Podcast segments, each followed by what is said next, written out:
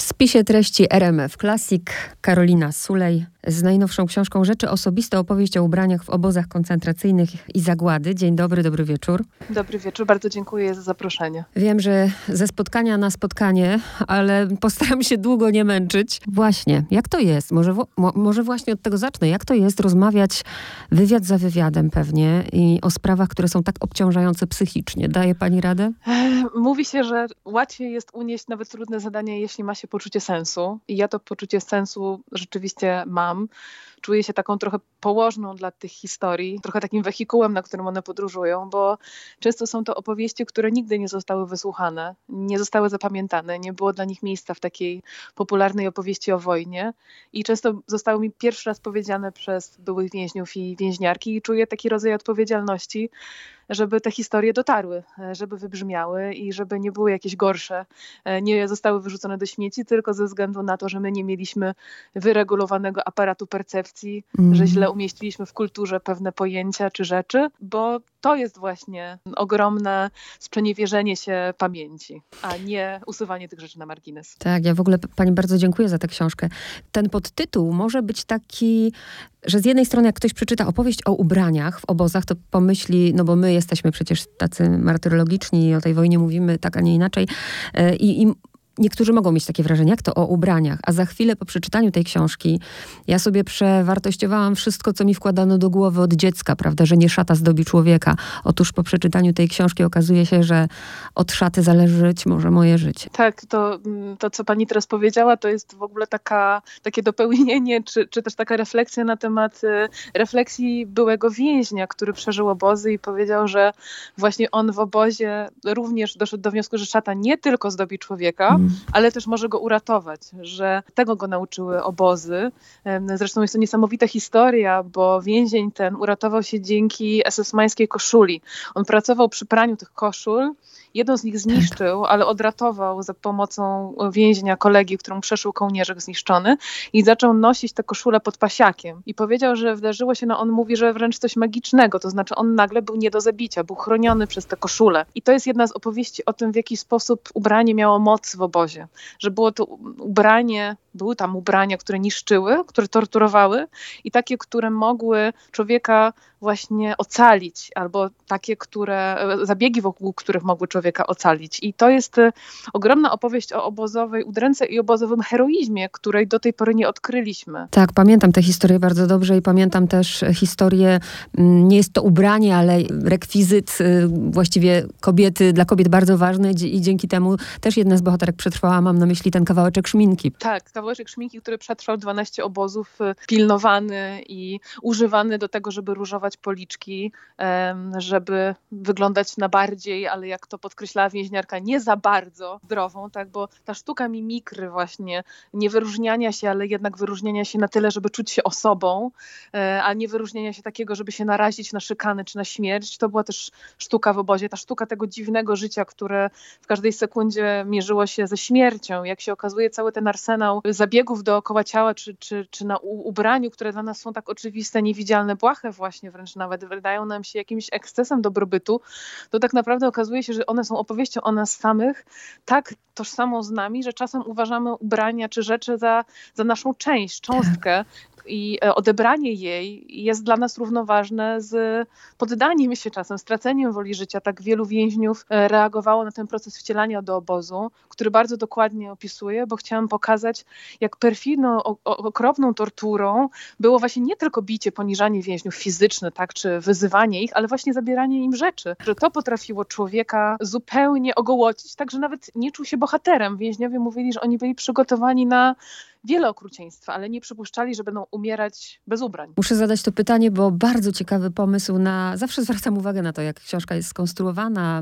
Pani nas wprowadza do tego obozu, my jesteśmy w tym obozie i z niego wychodzimy i wszystko jest poprzez te ubrania. A tak naprawdę to są właśnie rozmowy z tymi ocalałymi.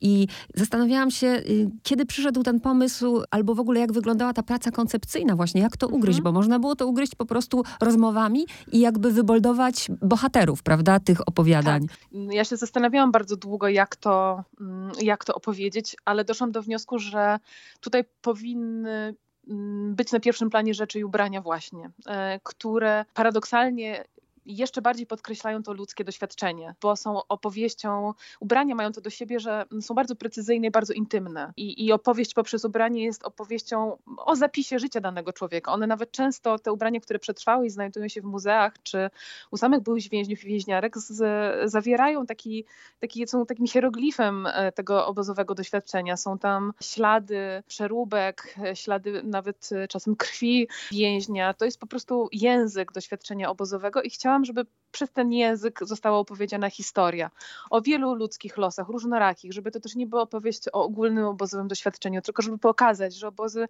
były odmienne, że w zależności od tego, y, jaki to był obóz, czas funkcjonowania tego obozu, miejsce w tym obozie, to szanse na przetrwanie były mniejsze albo większe i ten arsenał narzędzi, y, również tych związanych z rzeczami był odmienny i żeby pokazać, że na każdym, y, w każdym momencie to miało znaczenie, ale różne i że my jesteśmy po prostu z natury swojej jako ludzie e, osobami posiadającymi kulturę osobistą, którą nosimy na sobie i przy sobie i że ona nam towarzyszy do końca i co więcej jest ona narzędziem właśnie tak pełnym mocy, że, e, że jest używana zarówno przez oprawców, żeby anonimizować, redukować, dręczyć, pozbawiać człowieczeństwa, jak i przez tych, którzy są poddani temu jako ofiary, żeby się z tej roli ofiary emancypować, żeby się buntować.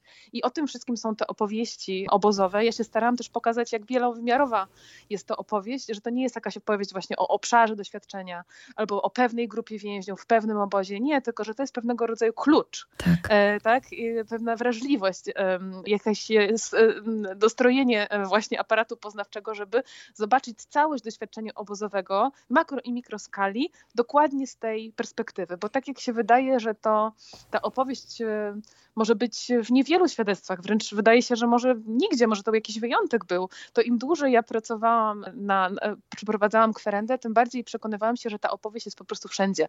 Prawie każdej relacji, nawet w tak zwanych, nie wiem, lekturach szkolnych. Mm. Każdy ma na półce jakąś książkę związaną z tym e, czasem w historii i zapewniam, że w każdej jest jakaś opowieść o tym doświadczeniu. Oczywiście mężczyźni inaczej pamiętają, kobiety inaczej pamiętają, ale każdy, każdy pamięta, bo to też jest, o czym się przekonałam rozmawiając z ocalonymi, niesamowity wehikuł pamięci. Od razu e, ocaleni pamiętali to, o, o, co ich zapytałam. Często właśnie nawet mieli przedmioty, które zachowali e, z obozowego życia. No i też jak e, pani tutaj powiedziała, ja staram się konstrukcyjnie przeprowadzić czytelnika przez książkę tak, żeby zrozumiał w jakich aspektach to ubranie ma znaczenie. Także, tak. że jest to pozbawianie ubrań, a potem zapisywanie tym przydziałem, który jest wymyślony, wykoncypowany przez oprawców, a potem jakoś się materializuje, że potem trzeba sobie z tym przydziałem jakoś poradzić, żeby nas nie zabił, więc zorganizować jakieś rzeczy, tak. które nam umożliwią przetrwanie zimna na przykład, tak? A potem jeszcze jest ta kwestia psychologiczna właśnie, czyli ta inna rola mody i to też ma e, swój rozdział. Rozdział ma swój również higiena, no tak. i oczywiście ubranie opraw i, e, i SS-manów. To jest w ogóle temat rzeka na kilka godzin rozmowy. Zastanawiałam się właśnie, jak to ugryźć w kilkunastu minutach, ale to uchwycę tego, tego ostatniego zdania o oprawcach. Na mnie zrobiło to takie wrażenie, bo za każdym razem, jak czytam tego typu literaturę, to ja naprawdę za każdym razem zadaję sobie pytanie, nie, to, to się po prostu to się nie dzieje. I kiedy jest to zdjęcie, kiedy Heinrich, Heinrich Himmler tak. wizytuje w Sztutowie obóz i uwaga, jak przeczytałam, że wizytował ten obóz 23 listopada 1941 roku, roku, dzisiaj jest 23 listopada. I kiedy pomyślę, że 79 lat temu i patrzę na to zdjęcie i sobie próbuję wyobrazić siebie w tej rzeczywistości, to ja, mnie po prostu paraliżuje, ja się kurczę, tak jak się kurczyły te, te nagie tak. kobiety, ze strachu się kurczę. I powiedzmy właśnie też o tym, to jest też ciekawe, że pokazuje pani tę drugą też perspektywę, właśnie wszyscy wiemy, że oni byli czystym złem, ale ubierali się świetnie, mieli swojego krawca. Zresztą pisze pani o nim. Tego demonicznego tak. konceptu. Tak. I ja nie mogłam napisać o doświadczeniu obozowym, pisząc tylko w cudzysłowie o pasiakach, tak? czyli ubraniach więźniów, bo to jest bardziej złożone niż pasiak. No ale powiedzmy o tych ubraniach upokorzenia. Nie mogłam tylko o nich napisać, bo one wybrzmiewają i mają całą swoją grozę e, pełni widoczną, tylko jeśli opowie się też o mundurze. Mhm. Że to doświadczenie obozowe, opis obozu jest rozpięty między pasiakiem a, a mundurem. I podaję taki przykład, o którym się dowiedziałam z, w Muzeum Bojowników Getta w Hajsie, gdzie jeden z pracowników archiwum, z którym, z którym prowadziłam badania, mi opowiadał, że, że on zawsze ma taką strategię, bo oni mają w muzeum na ekspozycji i pasiak, i mundur SS.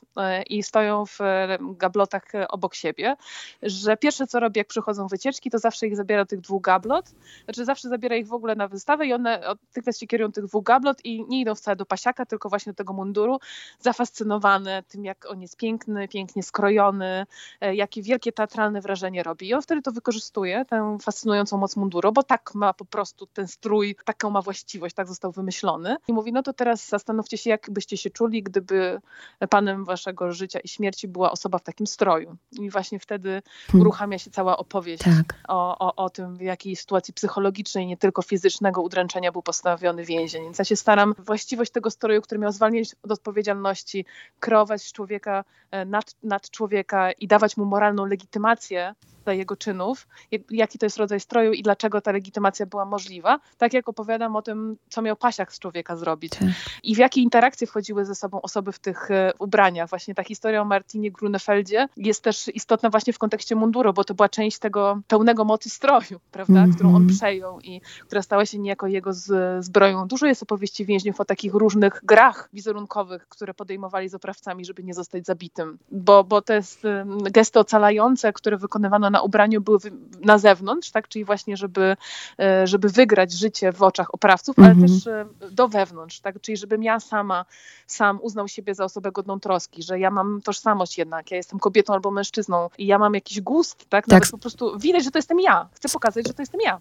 Wiązanie chustek mi się akurat przypomina, jak pani o tym tak, mówi. to jest przejmująca opowieść, e, która się znajduje w takim świadectwie Marii Jezierskiej, bardzo dla mnie ważnym, bo pierwszym, jaki ja znalazłam, które w bardzo wyrazisty sposób pokazuje, że doświadczenie obozu było ważne. Ono się nazywa po prostu moda w Auschwitz. Słowa moda Maria używa, mówiąc, że moda jest prawem człowieka, bo człowiek wolny pozwala sobie na zmiany i odmiany właśnie e, indywidualne, że pokazuje swoim wizerunkiem, że jest Kasią Marysią e, i że najważniejszą e, rzeczą w obozie, taką, która właśnie pokazywała te, to, że nawet w najtrudniejszych sytuacjach te właściwości porządkowania stroju, tej, czyli pokazywanie, że ja jestem Kasią Marysią i to są moje koleżanki z mojej grupy, że to robiły te chustki, sposób wiązania chustek. Polki miały inne Ukrainki, inne Rosjanki, inne Żydówki, inny, no i też dobór, jaki wzór mm. wybrałam chusteczki. A niektóre więźniarki też dbały, żeby te chusteczki były wyprasowane i prasowały je ciężarem własnego ciała w nocy.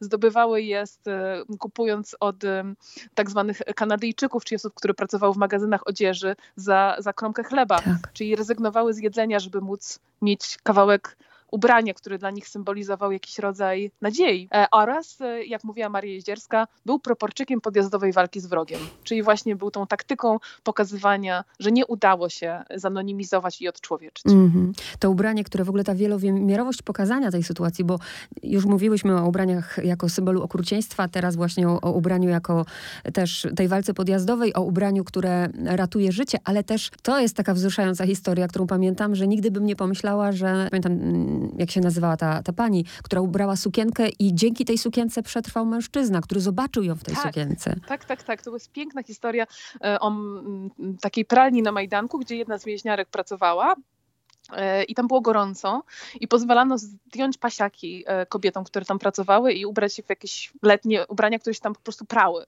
No i ona miała na sobie taką różową letnią sukieneczkę i mężczyzna, który, który tam dostarczał e, to pranie do, do tej pralni, ją zobaczył i od razu mu wróciła nadzieja. Zobaczył taką kobiecość, za jaką tęskni, pomyślał o żonie, dzieciach i tak jakoś o innym świecie. Po prostu zobaczył fragment innego świata i to go bardzo poruszyło. Zresztą wiele jest takich niesamowitych historii właśnie związanych e, z nadzieją, jaką niesie ubranie. Na przykład Alicja Gawlikowska-Świerszczyńska, więźniarka, z którą, była więźniarka, z którą rozmawiałam, więźniarka Ravensbrück, e, opowiadała mi, że ona mm, już w takim najtrudniejszym momencie funkcjonowania obozu, e, w 1944 roku jesienią, e, zamarzyła, e, żeby mieć sukienkę, którą zobaczyła na romskiej więźniarce, taką piękną, barwną w kwiaty sukienkę. Tak. I, I odkładała jedzenie tylko po to, żeby móc kupić tę sukienkę. I ona mówi po latach, że ona wie, że to było nieracjonalne, ale w pewnym sensie dla niej to było bardzo bardzo racjonalny, ponieważ ona tak straszliwie chciała tej sukienki, że byłaby bardzo nieszczęśliwa i nie chciałoby jej się żyć, gdyby jej nie, nie zdobyła. I było to dla niej większe wyrzeczenie, żeby się tej sukienki nie mieć, niż to, że wyrzekła się iluś porcji życiodajnego chleba. I to mówi bardzo wiele o tym, jak ogromna była ta potrzeba jakichś manipulacji przy, przy, przy wyglądzie. No czasem to była po prostu potrzeba higieny, tak mm. ogromna, że też się ryzykowało życie na przykład, żeby zdobyć trochę wody z drugiego końca obozu i przynieść ją dla siebie i koleżanek, żeby w takim kubku, w którym my robimy herbatę, mogły umyć włosy, zrobić pranie i jeszcze, jeszcze przemyć twarz. Czasem to były tylko gesty, bo tej wody w ogóle nie było, ale tak ratujące, że więźniowie, których nazywano muzułmanami, czyli ci w takiej najtrudniejszej sytuacji w obozie, którzy się już poddają niemalże, nie mają siły walczyć, odzyskiwali siły, kiedy kiedy zaczynali właśnie myć się po prostu, mm -hmm. albo nawet pozorować gesty mycia się. O tym Primo Levi, tak znany e, tak literat e, tego doświadczenia, e, mówi, że on ocalał dlatego, że zaufał swojemu koledze, który wykonywał te teatralne gesty mycia, kiedy mu powiedział, że on dzięki temu pokazuje oprawcom, że on nie jest ofiarą, że się nie godzi na, na tę rolę, że będzie wobec tej roli inaczej się zachowywał.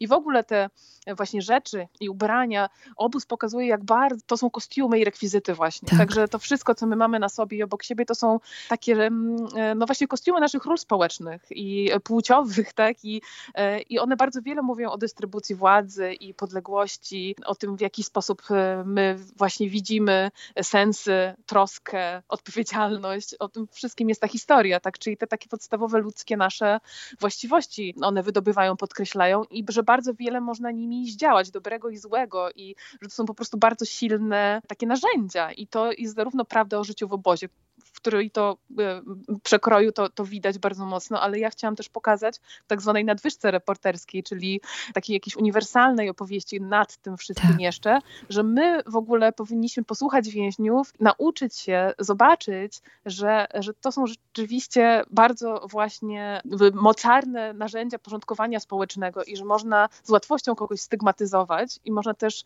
dzięki temu kogoś ocalić i że powinniśmy bardzo uważać, co robimy jako społeczeństwa, jako wspólnoty, posługując się tego rodzaju wizualnymi znakami. To, co się działo w obozie i zmieniało realnie życie ludzkie, może się wydarzyć. Bo to nie były anioły i demony, to byli ludzie, którzy posługiwali się rzeczami i, i, i te rzeczy miały znaczenie. To, to, to prawda. Ja nawet po przeczytaniu tej książki sama sobie zadałam pytania, bo dla mnie rzeczywiście ubiór, ja stawiam na wygodę i zupełnie nie patrzę na to, a zdarzyło mi się coś takiego, chociaż w ogóle nie przypominam Julie Roberts, ale zdarzyło mi się coś takiego jak Julie Roberts w Pretty Woman, że weszłam właśnie do jakiegoś eleganckiego sklepu, no po prostu ubrana w, w jakieś tam y, takie ciuchy sportowe i zostałam potraktowana bardzo źle. No jest mnóstwo takich opowieści, które są oczywiście mniej spektakularne, dzięki Bogu, tak, niż, mm -hmm. niż te obozowe, ponieważ nie musimy walczyć o życie za pomocą e, tej naszej kultury osobistej. Nie jest to tak wyraziste. E, nasza kondycja ludzka nie jest tak ogołocona, żeby to było tak widoczne. To jest dla nas niewidzialne, błahe w pewnym sensie, dlatego, że tak z łatwością nam przychodzi. Jak ja Natomiast... się tak poczułam, a co dopiero jak tutaj człowiek wchodzi mm. z, jakimś, z jakąś um, pozycją, z jak, z, no po prostu tak. cały ze sobą wchodzi ze sobą. i nagle odbiera mu się tak. ubranie, pozostawia się go na, nagiego i tak naprawdę już... Tak, to może... To jest straszne. To jest straszne, a jeszcze gorsze było to, y, może powiem o tym, y, jeszcze zdążę, że, y, że Pasiak oczywiście był ogromną udręką, tak, był strojem, który anonimizował i, i, i pozbawiał indywidualności, ale nie były tylko pasiaki w tych przedziałach dla więźniów, już ogołoconych właśnie takich, jakby w ogóle takich zagubionych, kim, kim są, co to będzie, właśnie takich skurczonych, przestraszonych, że wielu z nich dostawało tak zwane ubrania cywilne, takie szmaty odebrane wcześniej więźniom żydowskim, którzy przybywali do obozu i były im one przydzielane na zasadzie drwiny. E, to były często ubrania tak abstrak- jakby tak e, w obozie absurdalne, a, a, wcześniej przypisane do różnych, e, że tak powiem, obszarów garderoby, jak nie wiem, suknie balowe, kombinezony narciarskie, marynarki, pantofelki z Paryża czy z, z Londynu. To wszystko, co ludzie mieli w walizkach i uznali za tak. najpotrzebniejsze i najważniejsze. I to było dobierane na zasadzie takiej ponurej groteski przez strażniczki, które czasem określały określały się mianem stylistek i tak się bawiły tym, że ubiorą więźniarki w jakiś najbardziej zwariowany ich sposób i się z tego śmiały, a to było ogromne przeżycie dla, dla ludzi, którzy byli w ten sposób potraktowani, bo oni czuli, że im się w ten sposób odbiera prawo do martyrologii, że oni nawet nie mogą godnie wyglądać, że wyglądają jak jakieś klauny, jakieś maszkarony. Zofia Krzyżanowska pisze, że ona już nie może być bohaterką po tym, jak dostała swój przydział, bo ona jest zwyczajnie śmieszna. A Zdenka Fantlowa, mm, Żydówka, która przeżyła kilka obozów, z którą rozmawiałam w jej londyńskim mieszkaniu, opowiadała mi z takim po prostu e, super precyzyjnymi szczegółami, jak wyglądała jej suknia balowa wysadzana perłami, którą dostała w przydziale i jej e, pończochy, jedna zielona, druga brązowa i za duże męskie buty, które sobie potem akurat chwaliła, bo mogła przemycać w nich rzeczy. Przymały kubraczek z dziecka, za duże barchany babciny e, i w tym wszystkim ona miała pracować ponad siły, tak? I się, to miało ją ogrzewać i to, mm. to miała być ona. To, to bardzo przeżywały kobiety w szczególności, mężczyźni również, ale mężczyźni nie są tak wychowywani w kulturze, żeby, żeby wygląd nie był ich taką wizytówką. Oni tak. rzeczywiście przeżywali to, że, że już właśnie nie widać, jaką funkcję społeczną pełnią, że, że nie widać ich pozycji i tutaj było dużo negocjacji e, na polu odzieżowym, ale kobiety przeżywały po prostu, tak. że są pozbawione piękna. O, za tym tęskniły. Przypomina mi się też odwaga tej kobiety, to już nie ubranie, ale to też jakby nasze ubranie kobiet, włosy, jak ona tak. stanęła z tą odwagą i powiedziała, że niech się zapyta głównego komendanta, on, ona ma nie ścinać jej tych włosów, nie golić. Ryzykowała życie. A, a wiele za ży życie, tak to mm. też się mhm. wydaje nieracjonalne, prawda, żeby dla włosów ryzykować życie, czy dla obrączki, tak, tak. Czy, czy, dla jakiegoś przedmiotu, którego nie chcemy oddać. A tak się zdarzało, jest dużo takich e, opowieści. O ile ja sobie nigdy nie zadałam pytania i to do słuchaczy też mówię, że znajdziecie odpowiedź e, w książce na pytania takie podstawowe wręcz, bo w sumie kto, kto z nas, wszyscy wiemy, że pasiaki, ale dlaczego pasiaki, ale właśnie mhm. z jakiego materiału i tak dalej, to ja naprawdę sobie nie zadawałam tych pytań, ale zadawałam sobie pytania i bardzo dziękuję za odpowiedź w tej książce. Ja się czasem wstydziłam nawet sama przed sobą, że sobie te pytania zadaję, ale to jest bardzo ludzkie i to w tej książce znalazłam. Mianowicie mam na myśli e, rozdział higiena, mam na myśli, kiedy tutaj są poruszane sprawy takie po prostu czysto fizjologiczne. E, dla mnie na przykład, e, gdzie jest to ważne, że ja, nie wiem, w publicznej toalecie z kabinami mam problem skorzystać z toalety, tak. gdzie jest ktoś obok. Pokazanie mhm. tego właśnie, że jak jesteśmy odczłowieczeni.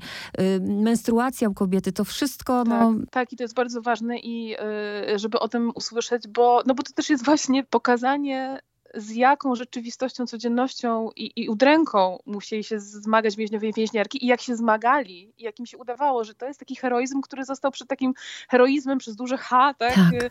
E, żołnierskim, epickim, wokół wielkich idei został pod nim schowany. A to, a to były naprawdę wielkie rzeczy, żeby móc to przetrwać, żeby móc e, w tym, sobie w tym e, poradzić na swój sposób własny. Tak. tak. Jeszcze to jest też istotne. Ale nie było problemu z tym, żeby te osoby chciały o takich sprawach mówić? Ja się nie spotkałam z żadnym oburzeniem ani niechęcią. Raczej miałam wrażenie, że te historie czekają i są bardzo gotowe i na wierzchu pamięci, że one rzeczywiście są sednem tego obozowego doświadczenia i, i więźniowie i więźniarki chcą, żeby to było zapamiętane, bo to też jest argument przeciwko wszelkim negacjonistom. To jest konkret, to jest ciało, to jest rzecz, to jest materia, to jest coś, co się da zrozumieć, i, a nie niewyobrażalne, które łatwo, łatwo zanegować. I, I to jest też po prostu kolejne świadectwo e, tortur, jakie przechodzili więźniowie i kolejne świadectwo tego, e, z czym sobie poradzili e, i z czym, z czym chcą też nas zostawić. Alicja Gawlikowska-Sierczyńska powiedziała mi, że bardzo by chciała, żeby z tej książki ludzie wzięli też to,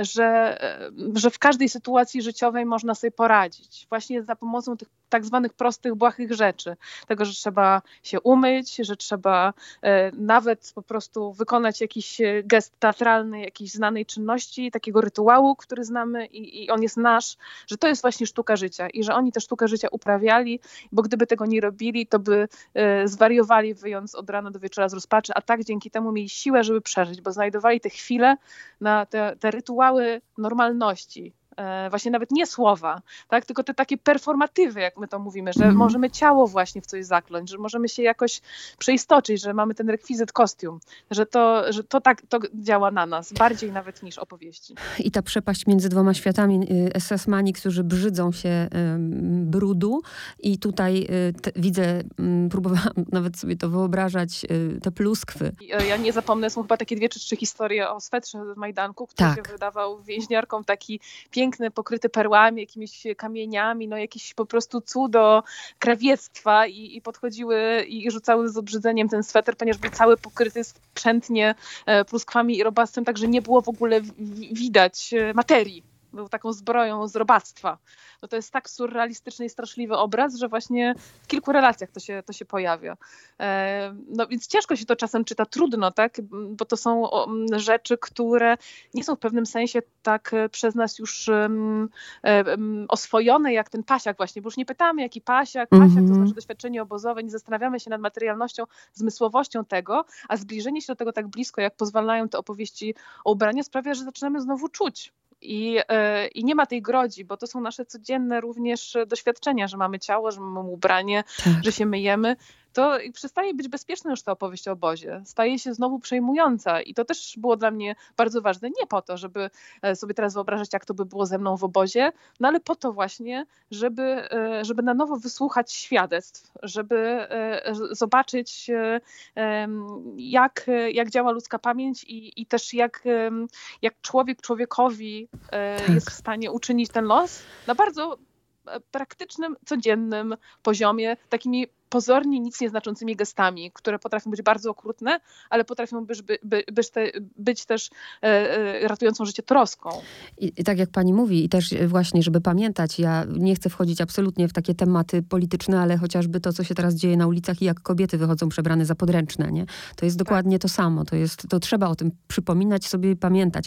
Ale właściwie od tego... Język, tak, tak mhm. właściwie to na koniec, bo od tego może powinnam zacząć, ale, ale tym zakończę. Tutaj czytam też właśnie, że pani działa w zespole badań pamięci o zagładzie. Ja nie wierzę w życiu w przypadki i się właśnie zastanawiałam, jak trafiła pani w ogóle na ten temat. Ja też nie wierzę w przypadki, absolutnie. Już mówiłam trochę o tej Marii Jezierskiej, która rozpoczęła tę książkę, ale moje badania na temat roli ubrań w takich, e, powiedziałabym, dramatycznych sytuacjach kryzysu kultury zaczęły się wcześniej i, e, i ja mm, poza tym, że byłam właśnie w zespole badań pamięci e, o zagładzie, to, to przez lata byłam też w zespole do badań nad modą, bo równolegle moich studiach antropologicznych e, interesowałam się rolą ubioru w życiu ludzi oraz, e, oraz e, tymi najtrudniejszymi wojennymi momentami i szybko się zorientowałam, że nie umiem tego połączyć, nie ma tych opowieści, które to łączą i jeszcze niewiele, 10 lat temu i, i, i dalej było też takich opowieści tak zwanych kobiecych, tak? Właśnie o tej codzienności, cielesności, o tym heroizmie mniej spektakularnym i zaczęłam się w tym odnajdywać i jakoś szukać, szukać analogii i zastanawiać się, czy można to opowiedzieć razem. E, no i wtedy byłam na zajęciach u profesora, e, no, doktora habilitowanego Jacka Leociaka, którego, e, którego sobie bardzo cenię. I on powiedział, żebym spróbowała poszukać w getcie warszawskim, w którym on się specjalizował, takich, takich opowieści. Ja trafiłam na gazetę żydowską, w której znajdowała się rubryka Poradnik dla gospodyń, gdzie dziennikarka pod pseudonimem Ina pisała, dawała takie porady dotyczące tego, jak gotować z resztek i jak ubierać się z resztek. E, I opisała o tym ubieraniu się z resztek jako takiej ocalającej czyn, czynności, e, która dosłownie pomaga zszyć życie z powrotem. I jakoś ta metafora zszywania ubrań, zszywania e, życia, takiego, takiej pracy na resztkach, żeby, żeby cały czas zachować nadzieję normalną, żeby ten świat się nie rozpadł, mm. tylko żeby cały czas się trzymał kupy, już mówiąc kolokwialnie, to jakoś mnie bardzo poruszyło i, i sprawiało, że zaczęłam szukać dalej, szukać, zaczęłam szukać opowieści o ubraniach w świadectwach, w zdjęciach i zaczęłam je wszędzie znajdować. I ta metafora tego zszywania wróciła do mnie wraz z tą książką.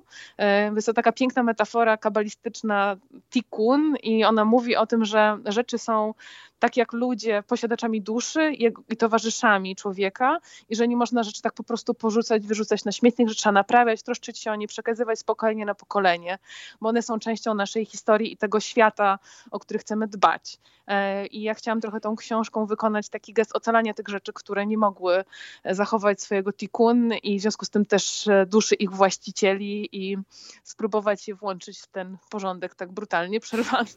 Pięknie, pięknie powiedziane. Y, na koniec, bo ja czytam książkę zawsze od A do Z, więc nawet z podziękowaniami i pomyślałam, że brakuje podziękowań, bo naprawdę brakuje podziękowań dla pani, bo pani dziękuję wszystkim, a ja pani dziękuję w takim razie za tę książkę, bo to jest ogromna praca. A ja bardzo pani dziękuję i bardzo państwu dziękuję za, za ten czas i możliwość e, opowiedzenia o tych historiach i mam nadzieję, że e, państwo, dla państwa ta książka będzie również osobistą rzeczą.